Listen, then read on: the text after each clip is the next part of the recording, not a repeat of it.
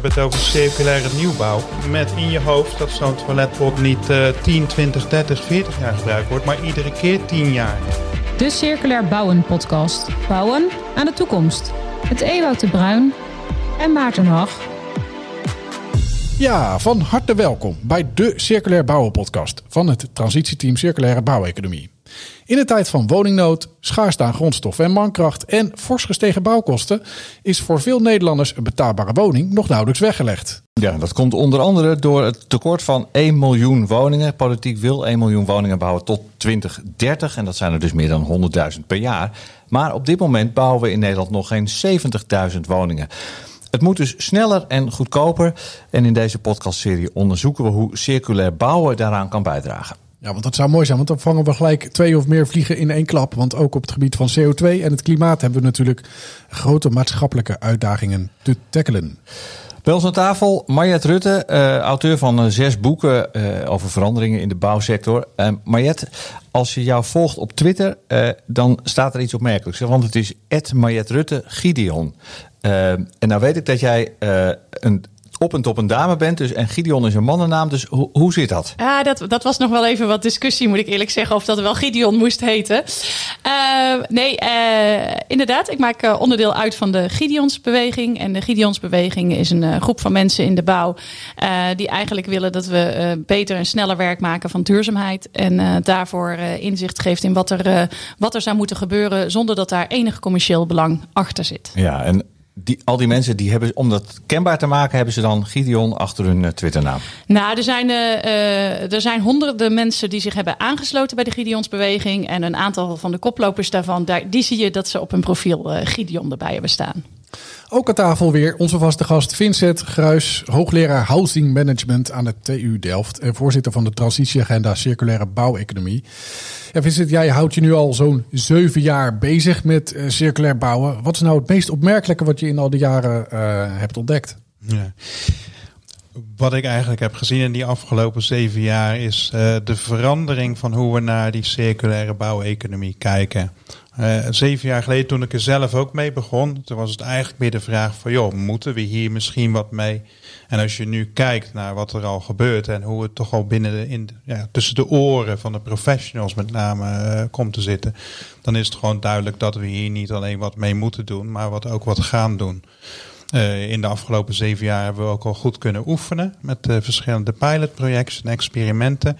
En ik heb het gevoel, we, we zijn er nog net niet, maar we staan echt aan de vooravond van een versnelling en opschaling, zoals wij dat dan altijd noemen. Ja, en die opschaling die zou kunnen komen van de woningcorporaties. 30% van de woningen wordt namelijk gebouwd door corporaties. En door de omvang, de, de, de massa die ze hebben in de markt, kunnen zij dus goede invloed uitoefenen en aannemers stimuleren om circulair te bouwen. Ja, dat kan bijvoorbeeld met eh, prefabwoningen, maar ook door het combineren van traditionele en circulaire materialen. We horen in deze aflevering onder meer Biense Dijkstra van aannemer Dijkstra Draaisma. En onze vaste columnist Jan-Willem van de Groep komt natuurlijk ook weer voorbij. Ja, nog even terug Mariet, want uh, dat Gideon verhaal dat blijft toch nog een beetje zitten. Uh, komen jullie ook wel eens bij elkaar met een club? Dat je, dat ja, je gewoon... zeker. Zeer regelmatig. Ja. Uh, nu nog een kleine groep mensen, want we zijn nog bezig met die inrichting. Maar uh, uh, ja hoor, met nachtelijke uurtjes erbij kan ik je vertellen. Ja, en dat zijn dan de plekken waar zeg maar, uh, de plannen voor de toekomst gesmeed worden? Nou, er wordt vooral nagedacht over welke interventies moeten we gaan plegen, plegen in deze sector. Om te zorgen dat, we, dat het doel vooraan staat. bijvoorbeeld op het gebied van circulariteit. Ewout, jij bent onze razende reporter en reist het hele land door om allerlei mooie voorbeelden te zien. Zo ook als het gaat om woningbouwcorporaties. Ja, dat klopt. Ik ben in uh, Alkmaar geweest. Er zijn veel corporaties die op dit moment bezig zijn met uh, experimenteren wat ze nou kunnen doen om circulair te bouwen. En bij Woonwaard in Alkmaar, daar combineren ze oud materiaal en nieuw materiaal in een, in een groot appartementencomplex. En daar ben ik gaan kijken. Dit is de Circulair Bouwen podcast. Met nu circulaire bouw in uitvoering. Klim hier over een paar pallets en dan een bouwtrap op. Er zitten in het gebouw uh, verschillende circulaire toepassingen. Sommige zijn zichtbaar en andere niet. Uh, nou, hier lopen we op de galerij. Normaal zijn we gewend om uh, galerijvloeren uit te voeren in beton. En hier hebben we er dus voor gekozen om dat niet te doen. En uh, nou, de, de vloeren uh, zijn van, uh, van hard, hout.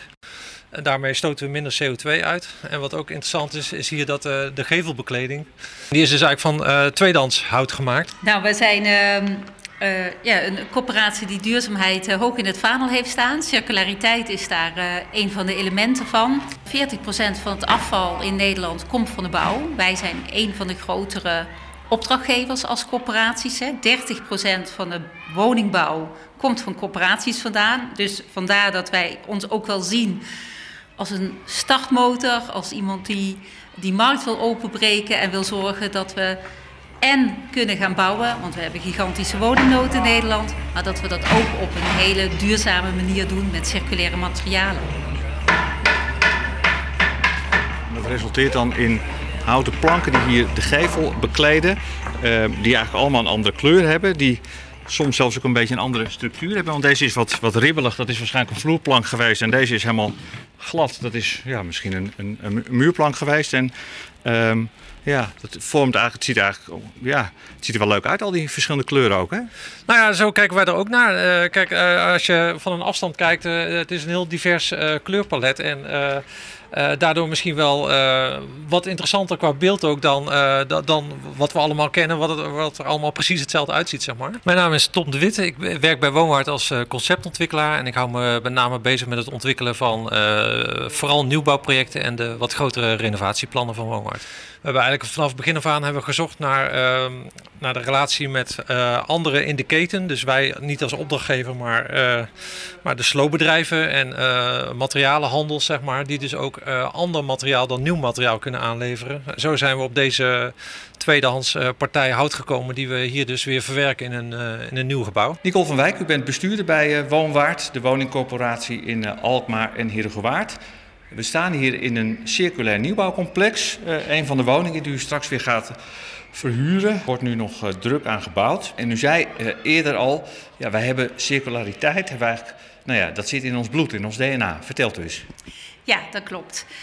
Um, tweeledig is het wel. van de ene kant zien wij ook wel dat om, om um, mee te doen aan, aan uh, duurzaamheid betekent ook een woonlastenverlaging voor onze huurders. Uh, we willen ook dat zij nog ook in de toekomst warm kunnen zitten.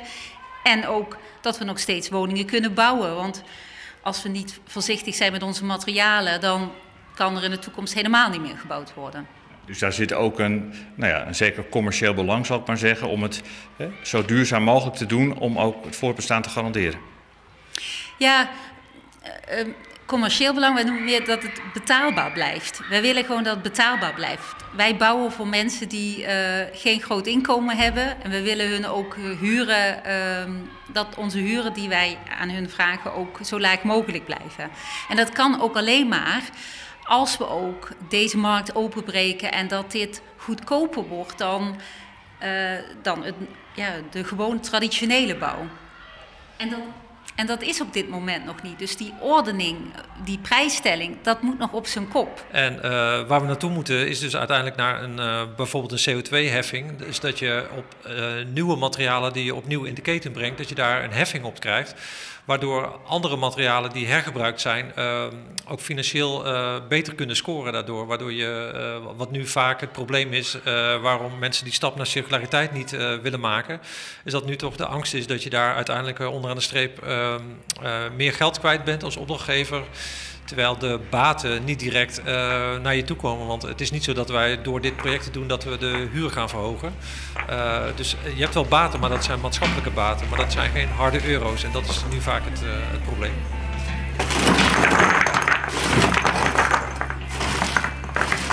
Ander materiaal dat hergebruikt wordt hier zijn de tegels van de parkeerplaats. Ehm, hoe zijn die te vinden? Wat gebeurt er normaal met die enorme berg stenen die we hier zien liggen? Als een parkeerplaats opnieuw bestraat wordt um, en die stenen zijn overbodig, wat gebeurt daar normaal mee? Nou ja, die, die, er is natuurlijk wel een handel uh, uh, voor, voor tweedehands uh, bestratingen. Maar vaak zijn dat wel de, de mooie oude uh, steentjes die iedereen, vooral particulieren, dan uh, in een stoepje en een tuintje willen hebben. En voor dit soort materialen, daar zijn ook wel tweedehands uh, toepassingen voor. Maar, vaak in, in nieuwbouw en dan in de woningbouwprojecten, ja, dan is het toch meer gewoonte om dan maar met nieuwe materialen te werken. Want dan ziet er alles zo fris en nieuw uit, zeg maar. alleen ja, als zo'n nieuwe parkeerplaats een jaar gebruikt is, dan is die net zo niet nieuw uh, als deze dit parkeerterrein. Zeg maar. Ja, dat was een enorme berg stenen die daar op het laatst even gestort werd bij Woonwaard in Alkmaar. Waar ze dus in dit project veel uh, tweedehands, zal ik maar even zeggen, circulaire materialen gebruiken. Maar Jet, um, ja, uh, circulair hout, hergebruikt hout, hergebruikte stenen. Uh, ze hebben daar ook papier zeg maar, tussen de muren. Wat doet dat uiteindelijk met de kwaliteit van een woning? Hoe wordt daarop gelet of, of de kwaliteit nog wel goed is als je dit soort materiaal gebruikt? Nou ja, eigenlijk is dat dus de grote uitdaging waar we met elkaar een oplossing voor moeten vinden. En zeker met het nieuwe stelsel van kwaliteitsborging dat er ook aankomt vanaf volgend jaar zomer. Um, daar ligt echt een, een, enorme uitdaging. Want wie gaat die kwaliteit garanderen? Is dat de opdrachtgever? Is dat de, de eindgebruiker? Is dat het, de, de handel? Is dat het fabrikant? Eh, dat is nog niet uitgekristalliseerd. En dat, dat staat hergebruik wel in de weg. Ja, we horen straks Biense Dijkstra. En die onder andere zegt: je zou als producent, hè, dus als aannemer, veel langer betrokken moeten blijven bij een woning. En ook nou ja, eh, zeg maar, eh, de kwaliteit bij je moeten houden en daar verantwoordelijk voor moeten blijven. Ja, nou daar wil ik nou heel graag een mooi voorbeeld van noemen. Je, zegt als producent en je zegt uh, Biense. Biense is in principe een bouwer. Hij is ook een fabrikant. Maar we hebben natuurlijk veel meer fabrikanten van deelmaterialen. En over het algemeen zie je dat op dit moment, als de discussie over circulariteit gaat, dan gaat de discussie over wat we nu gaan bouwen, dat gaan we heel mooi circulair doen. Maar alles wat we eerder gedaan hebben, daar nemen we eigenlijk de verantwoordelijkheid niet voor.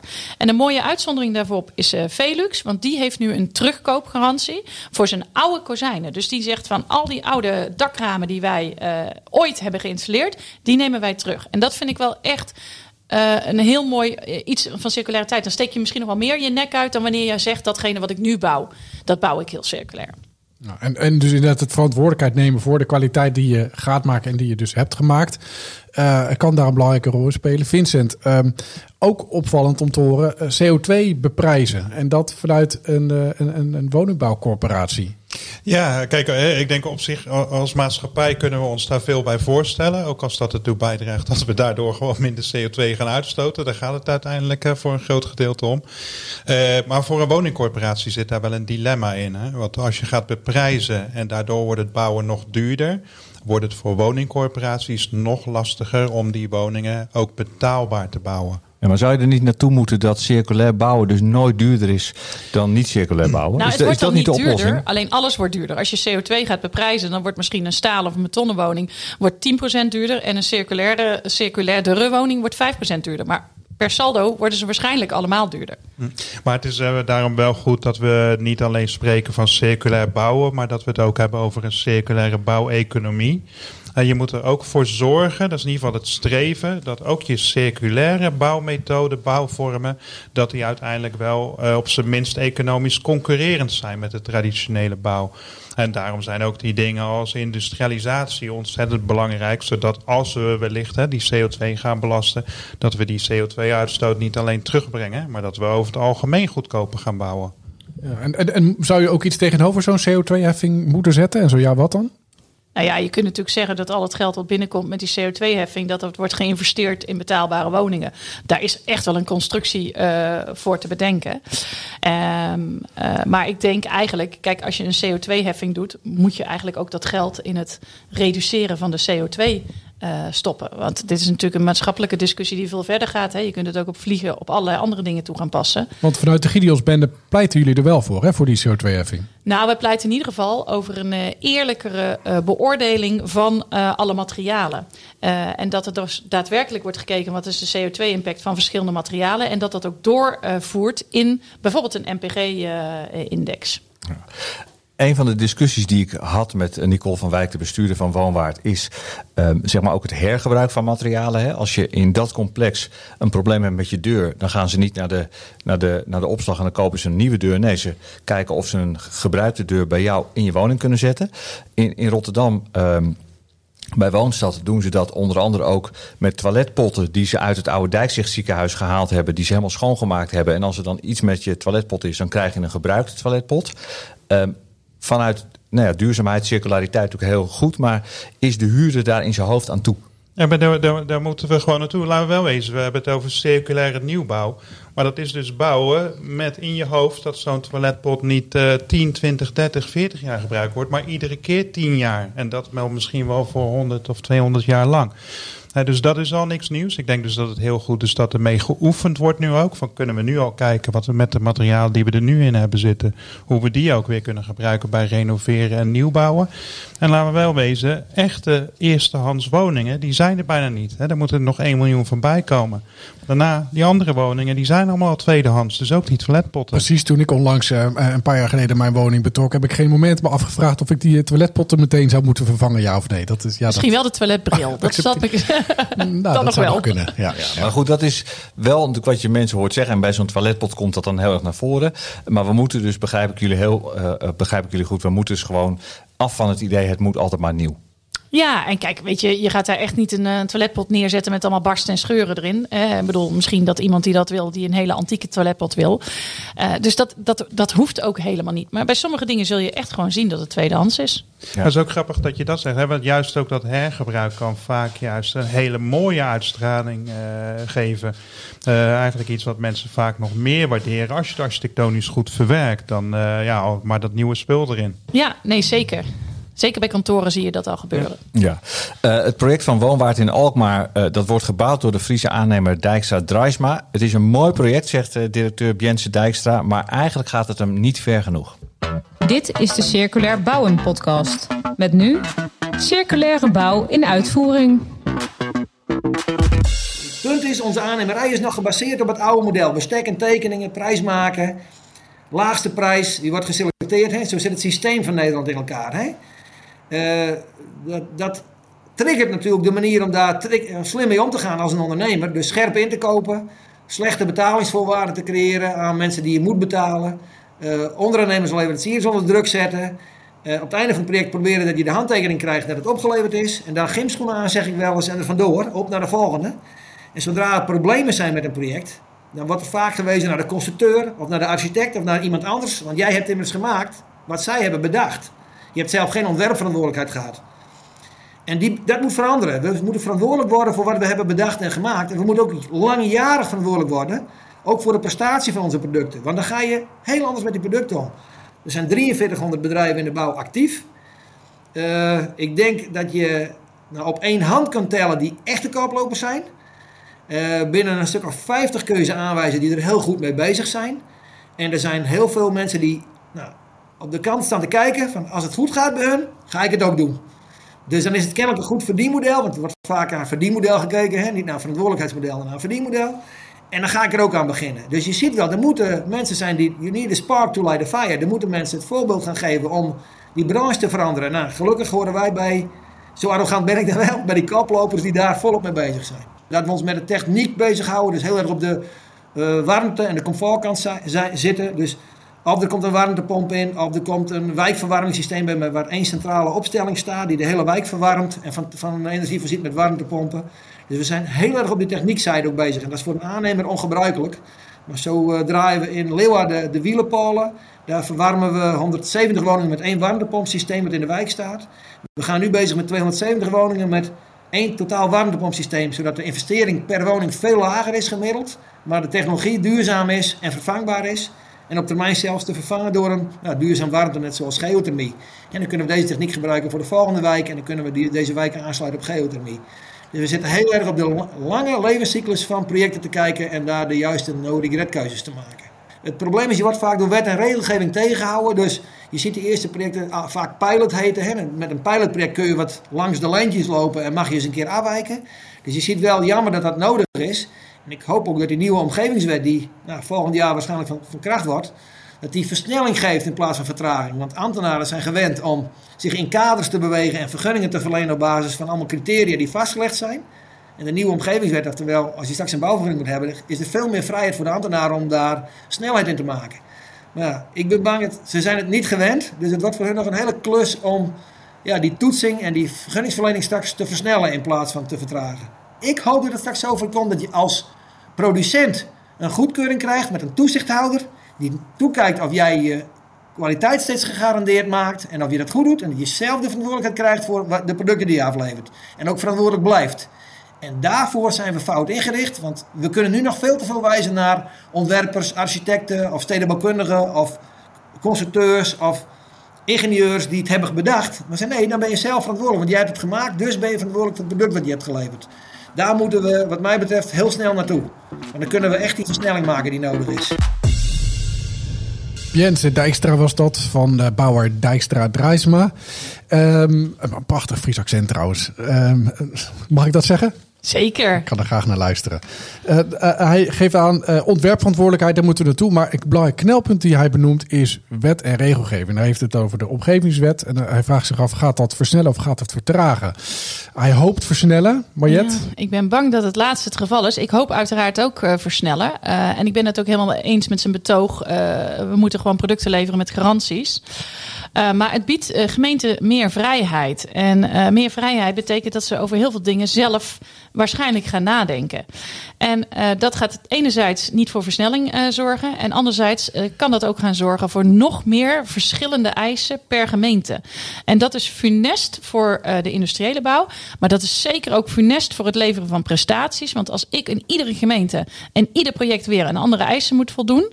Dan bouw ik dus iedere keer een uniek prototype. En dan ga ik één ding niet doen en dat is er garanties opleveren. Want dat kan ik dan simpelweg niet. Maar zijn er ook niet onder gemeente koplopers uh, gesignaleerd waarvan je zegt uh, die kunnen een goed voorbeeld neerzetten waar anderen zo in kunnen stappen? Ja, dat zou wel kunnen, maar gaan die anderen daarin stappen? En uh, dat is de uitdaging. En ik kun ben je ze aanwijzen? Dat... Kun je een gemeente noemen waarvan je zegt daar zijn ze echt goed bezig op dit gebied? Nou ja, Almere is bijvoorbeeld een gemeente die daar echt wel over, over nadenkt. En die ook echt vanuit die standaardisatie durft te denken. Ja, en heel, heel onaardig gezegd, het is, ik kan nu een gemeente noemen, maar we hebben volgend jaar verkiezingen. Dus het is maar net welke wethouder er zit. Ja, nou, nou wordt er uh, door die aannemers gezegd, hè, we kunnen een vuist maken, uh, door woningcorporaties moet ik zeggen, wordt gezegd, we kunnen een vuist maken richting aannemers uh, en daardoor dingen voor elkaar krijgen. Maar kunnen die woningcorporaties ook niet gezamenlijk een vuist maken in Den Haag en zeggen, als we die 1 miljoen huizen willen halen, Um, dan moeten we dus naar een, naar een algemene standaard. En als dan een huis goedgekeurd is, een woning, moeten we hem dus overal mogen neerzetten? Ja, uh, uh, ik denk corporaties hebben daar vanuit hun opdrachtgevende rol, uh, hebben ze daar gewoon kansen voor. Om, dat, om die standaardisatie ook een beetje af te dwingen. Eén nuancering, die 1 miljoen woningen, dat zijn niet alleen corporatiewoningen. Daar zitten ook gewoon heel veel woningen voor eigenaarbewoners uh, tussen. Koopwoningen, ook beleggerswoningen, middeldure huur. Uh, maar corporaties gaan een flink deel bouwen. En inderdaad, corporaties zouden de koppen bij elkaar kunnen steken. En zeggen van, joh, als jullie voor ons bouwen, willen wij dat het aan standaarden voldoet. En waarom gebeurt dat dan nog niet, Vincent? Uh, het is ook de vraag wat er dan vervolgens gebeurt, bijvoorbeeld met de prijs van een woning. Hè? Stel je gaat als corporatie eisen stellen en die worden hoger, ja, dan kunnen bouwbedrijven ook zeggen, nou, als je dat wil, kan best, maar dan wordt het ook duurder. En dus daar zullen ze heel erg huiverig voor zijn. Plus dat je natuurlijk ook corporaties hebt die heel graag willen werken met hun lokale bouwers. En de bouwers ja. die je hier voornamelijk mee helpt, dat zijn de bouwers die op grote schaal nadenken over industri industrialisatie, over het leveren van garanties en ga zo maar door. Die lokale bouwer is er niet per definitie mee uh, gebaat. Kijk, wat ik denk belangrijk is, is uh, waar, waar jij over begon met de omgevingswet, Mariette. Ik denk dat je daar echt een punt hebt en er zit echt een gevaar in, ook dat die eisen per gemeente gaan verschillen. En wat, wat we natuurlijk hopen is dat bijvoorbeeld met zo'n City Deal uh, circulair en conceptueel bouwen, dat je daar ook die gemeente een beetje bij elkaar brengt om beleid te ontwikkelen wat je overal kunt toepassen. Ja, zeker. En ik denk dat VNG speelt daar gewoon ook een hele belangrijke rol in. Ja, is, is, is dat iets wat zo'n VNG kan regelen? Die wethouders op één lijn krijgen of op welke manier? Nou ja, je kunt, waar we bijvoorbeeld aan zitten te denken, is om een soort structuur te maken. Dat je voor allerlei elementen van die woningbouw nog kunt kiezen uit drie niveaus. Dus neem bijvoorbeeld remontabel. Je kunt kiezen uit niet remontabel. Uh, een beetje remontabel voor deelhergebruik of volledig uh, her te gebruiken. Voor circulariteit kun je kiezen uit uh, voldoen aan de wet en regelgeving of goed niveau circulariteit. En dan besluiten we met elkaar wat goed is. Of excellent niveau. En als gemeente krijg je dan eigenlijk een soort van kruislijst van nou, ik vind voor deze wijk of voor dit gebied vind ik dit belangrijke eisen. Zijn dit de eisen die ik heb? en dan krijg je niet dat die eis op ieder project weer net een tikkie verschilt. En daarop kun je als sector wel gaan standaardiseren. En nogmaals, een esthetisch element daarvan, ja, daar kun je dan nog wel vrijheid in geven. Hè? Als ze allemaal een witte gevel willen, want ze willen graag een witte wijk, prima. Daar kan die sector wel in variëren. Maar die technische kenmerken, daar moeten we dan op gaan standaardiseren. Ja, dus keuze is fijn, maar uh, standaardiseren, dan pas uh, durf je het kiezen eigenlijk. Daar komt het op neer. Nou ja, vooral dus het standaardiseren van de keuzes. Dat is eigenlijk wat het is. En niet allemaal hetzelfde. Nee. Um, uh, ja, standaardiseren van de keuzes. Uh, maakt dat het, Vincent, ook... Uh, is dat ook de enige manier voor die corporaties om te zorgen dat die woningen ook betaalbaar blijven? Want dat is natuurlijk voortdurend zeg maar, het snijvlak waar ze op zitten. Aan de ene kant moet het circulair. Aan de andere kant, ja, corporaties bouwen vooral voor de lage en middeninkomens. En die mensen kunnen gewoon niet heel veel huur betalen. Ja. Ik zie circulariteit als ik er vanuit corporaties nadenk, in combinatie met de nieuwbouw, zie ik het vooral als een kans om naar betaalbaarheid te komen. Maar dat gaat ook alleen lukken als je ook in Nederland veel meer industrieel gaat doen. Ja, leg eens uit, waarom is dit de enige kans naar betaalbare woningen? Omdat als wij afhankelijk blijven van een bouwsector die heel veel arbeid nodig heeft om die nieuwe woningen te bouwen. En we weten dat die arbeid, nou, als die al beschikbaar is, dus vervolgens ook steeds duurder zal worden. Ja, dan weten we dat we het daar niet mee gaan redden. Nee, en dus is de robot die uh, het grote deel van het werk doet, is dan de poort naar, naar dit succes? Ik, denk dat het gewoon een voorwaarde is. Zeker als je ook die nieuwbouwbehoefte ook nog eens een keer combineert met een hele grote renovatiebehoefte. Er is nog steeds een groot deel van de woningvoorraad wat energiezuiniger moet worden. Dat is vaak werk wat zich nog minder makkelijk leent voor industrialisatie. dus dan ligt, is het toch een voor de hand liggende gedachte om de nieuwbouw zoveel mogelijk te industrialiseren. Zodat je die paar handjes die je nog hebt ook voor de renovatieopgave beschikbaar houdt. Jan-Willem van de Groep is de vaste columnist van deze podcast. Hij is ondernemer, adviseur, aanjager, dwarsdenker van beroep. En uh, vooral op het gebied van duurzaamheid. En hij is ook columnist bij Cobouw en duurzaamgebouw.nl. En dus ook voor deze podcast. Dit is de Circulair Bouwen podcast. Met nu Circulair Bouwen volgens Jan-Willem. De waarde van koplopers. Zonder koplopers die laten zien wat er kan zou in 2018 het verbod op het gebruik van gas in nieuwbouwwoningen niet genomen zijn. De koplopers, die zich verenigd hadden in het Lenteakkoord van 2008, kregen ondersteund door Energiesprong en het netwerk Conceptueel Bouwen al rond 2013 door hoe bouwen zonder gas gerealiseerd kon worden. De ruimte om dat te doen werd vooral geboden door koplopende woningcorporaties. Die geschiedenis gaat zich hopelijk herhalen. De transitie naar circulair en biobased bouwen kent namelijk dezelfde mechanismen. De koplopers die destijds hielpen gasloos bouwen mainstream te maken, doen dat nu weer. Dezelfde corporaties, dezelfde gemeentes, dezelfde bouwers. Ook nu zijn er ondersteunende programma's als City Deal conceptueel en circulair bouwen, de circulaire bouweconomie en verschillende biogroups voor circulariteit, houtbouw en biobased bouwmaterialen. Er is ook een verschil werd in 2013 industrieel bouwen nog door velen als een onhaalbare route beschouwd. Vandaag de dag gebeurt het al volop. Het gebruik van hout en andere biobased bouwmaterialen kan daarmee snel en fors schalen. Het helpt wel als de meest ribbelende lobby van CO2-intensieve materialen de wind uit de zeilen wordt genomen. Dat kan door het aanpassen van normen die het gebruik van bouwmaterialen met een grote milieu-impact veel sneller aan banden legt dan nu voorzien. De zogenaamde MPG, Milieuprestatie Gebouwen, heeft als planning om in 2030 op 0,5 te eindigen. Een waarde koplopende bouwers, vooral degene met industrieel en conceptueel aanbod, al vrij makkelijk halen. Het wordt nog makkelijker als meer fabrikanten hun eigen data aanleveren voor die rekensom. In plaats van dat er gerekend moet worden met de veel ongunstiger algemene data waarmee nu vaak nog een MPG-berekening moet worden gemaakt. Daarnaast dient de opname van CO2, die ik in mijn vorige column al noemde, ook in diezelfde MPG gewaardeerd te worden. Daarmee kan de MPG-norm die de overheid stelt in 2025 al op 0,5 gezet worden. Ik acht zelfs een waarde van 0 haalbaar in 2030. Ieder gebouw zal immers voor een fors deel gaan bestaan uit biobased bouwmaterialen, in combinatie met traditionele materialen met een zeer lage CO2-footprint. Ook op andere milieufactoren dan CO2 scoren die uitermate gunstig in de MPG. Het mooie is dat de koplopers al laten zien dat het kan. De energietransitie leert dat het daarna veel sneller mainstream wordt dan iedereen vermoedt. Mocht iemand denken, ja, maar dat deden we toch voor de Groningers? Ook goed. Dit doen we voor de hele wereldbevolking en de generaties na ons. Geef koplopers de ruimte om te laten zien wat er morgen en overmorgen al kan. Ja, die koplopers die laten voor een deel dus al zien wat er kan in die milieuprestatiegebouwen. Want er zijn al bedrijven die op 0,5 zitten. Uh, uh, Mariette Rutte, er wordt gezegd, ja, de andere bedrijven hebben nu nog negen jaar om daar te komen. Dat klinkt nou niet als een stimulerende, uitdagende opgave. Ik vind het gewoon triest, serieus, dat we die norm op 0,5 hebben gezet voor 2030. Nou, als ik kijk naar, naar de woningbouw, uh, nogmaals, uh, partijen als Heijmans, partijen als Plek die voldoen gewoon al aan, uh, aan die norm van 0,5. Ja, waar ligt het dan aan dat er toch nu gezegd wordt, we hebben nog negen jaar? Ja, ik heb geen idee, maar ik ben bang dat dat toch de lobby is van traditionele partijen die niet graag willen veranderen en die blijkbaar de urgentie, voor waar de opgave waar we als maatschappij voor staan, die die urgentie nog niet voelen. Ja, um, Vincent, hoe, hoe zit het hè? als we even een beetje samenvatten, kijken is het nog zo traditioneel in de bouw dat toch heel veel partijen bang zijn om te veranderen?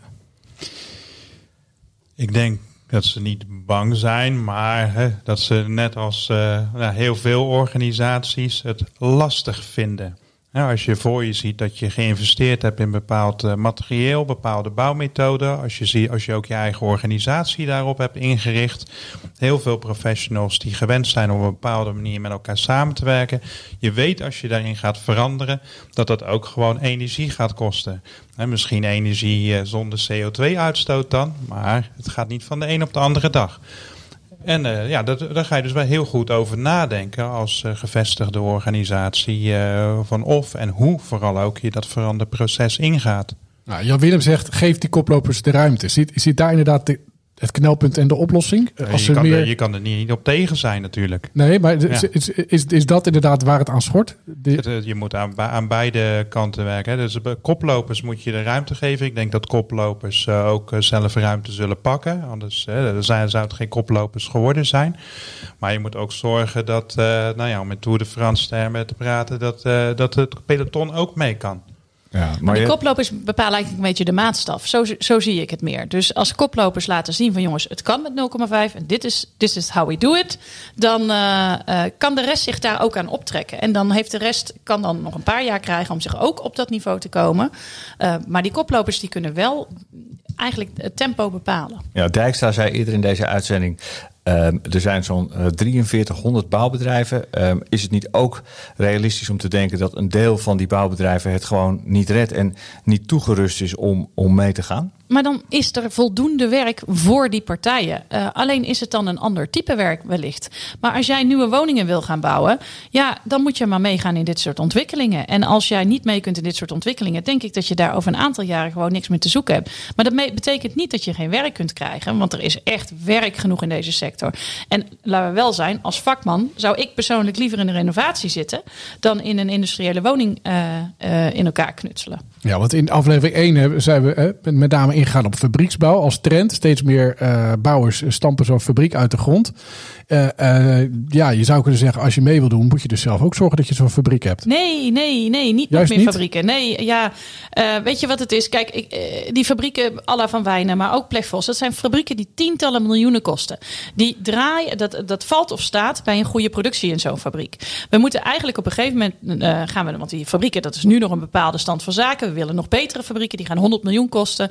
Als daar per jaar 500 woningen uit gaan komen, dan betaal je 40.000 euro per woning aan die fabriek. Dat is gewoon veel te veel. Dan moeten 10.000 woningen per jaar uit die fabriek gaan komen. Dan betaal je een paar duizend euro aan de fabrieksbijdrage. Dan kunnen we goedkoper, beter en sneller gaan bouwen. Wat zou jij dan tegen al die bouwbedrijven zeggen die nu voor die keuze staan? Welke, welke uh, routes uh, zie je voor ze? Er zijn twee oplossingen. Of je zegt woningnieuwbouw is niet mijn segment. Of je zegt, ik, uh, ga, samen, ik ga investeren in de uh, digitalisering, in de File to Factory. En ik zoek partijen met wie ik samen ga werken. Dus ik ga bijvoorbeeld het glas halen van, van uh, een Saint-Gobain-achtige partij. Ik ga mijn kozijnen halen van een andere partij. En ik heb intelligente software, daar investeer ik wel in. En dat kun je ook met andere partners doen. Hè. Je hoeft dat niet alleen te doen als bedrijf. Ga ook eens gewoon bij collega's. Ga zeggen van, joh, dit is een investering die is substantieel. Laten we het samen doen. En ga zo met elkaar kijken van, kunnen wij in deze markt met elkaar een, een mooie oplossing bieden die ook gewoon concurrerend is met de andere oplossingen in prijs, waarde, alles.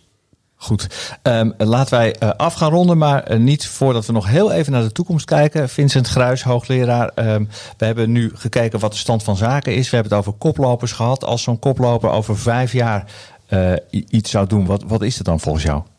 Nou ja, we gaan natuurlijk naar een NPG van nul uiteindelijk. En de, des te sneller de koplopers daar naartoe kunnen werken, des te sneller kan het peloton ook volgen. Uh, en ik vind het wel echt een heel goed punt. Het is belangrijk dat, we, dat er echt normen worden gesteld. Uh, dat die ook worden gehandhaafd en gecontroleerd met goede, goede data. Maar ik vind ook nog steeds wel dat het wel in een tempo moet. Dat heel veel bedrijven daar uiteindelijk in mee kunnen. Op wat voor manier dan ook. En dat we niet in zo'n tempo doen dat we bij wijze van spreken nou ja, de halve bouweconomie omver helpen. Daar zou ook sowieso te veel protest tegenkomen. Dus daar moeten we ook niet naïef over zijn. Maar ambitieus, haalbaar, uh, wellicht sneller dan nu al wordt voorgesteld. Dat gaat de, de, de hele industrie helpen. En daar zitten ze eerlijk gezegd ook op te wachten. 1 miljoen woningen in 10 jaar. Hoeveel procent daarvan gaat, als we voor 10 jaar hierop terugblikken, uh, circulair gebouwd zijn? Nou, laten we er sowieso manier? eens kijken of we die 1 miljoen nodig hebben. Misschien wordt het 800.000. Nou ja. dat is het eerste punt. Nou, waar ga jij voor, Vincent? Vanuit, het, uh, de, vanuit het transitieteam Circulaire Bouweconomie uh, vinden we eigenlijk dat vanaf 2023 moet je die opschaling uh, ingaan. Dus dat betekent dat je misschien nog één jaartje een paar niet-circulaire woningen kunt toelaten. Daarna moet het gewoon allemaal circulair gebouwd worden. Hoppa, omhoog die lat. Dat gaat mij dan wel weer snel genoeg. Ja? oh ja, als we dat kunnen bereiken. Over... Ik vind niet dat we altijd iedereen mee hoeven te nemen. Want weet je, je houdt altijd een aantal mensen die gewoon niet mee willen. Op een gegeven moment is het ook gewoon klaar. Als je als overheid of als, als organisatie maar duidelijk daarin bent. Maar... Uh, 2023 alles circulair, daar teken ik voor. Al, al het wat je nieuw doet, hè, circulair. Ja, ja. ik teken ervoor. Ja, dit was aflevering 3 alweer van de podcast over circulair bouwen van het uh, transitieteam Circulaire Bouweconomie. Wil je je laten inspireren? Kijk dan op de website van dat team circulairebouweconomie.nl. En daar vind je ook de andere afleveringen van deze podcast, waarin we ingaan op onder meer fabrieksbouw, houtskeletbouw, het gebruik van biobased materialen, et cetera, et cetera. En we bedanken onze gasten hier in de studio, Mariette Rutte, Trendwatcher en Vincent Gruis, hoogleraar Housing Management. En natuurlijk ook alle andere gasten die voorbij zijn gekomen in de reportages. En onze vaste columnist Jan-Willem van der Groep. Je kan je natuurlijk ook abonneren op deze podcast via alle bekende podcastkanalen. En vergeet hem niet ook te delen via social media.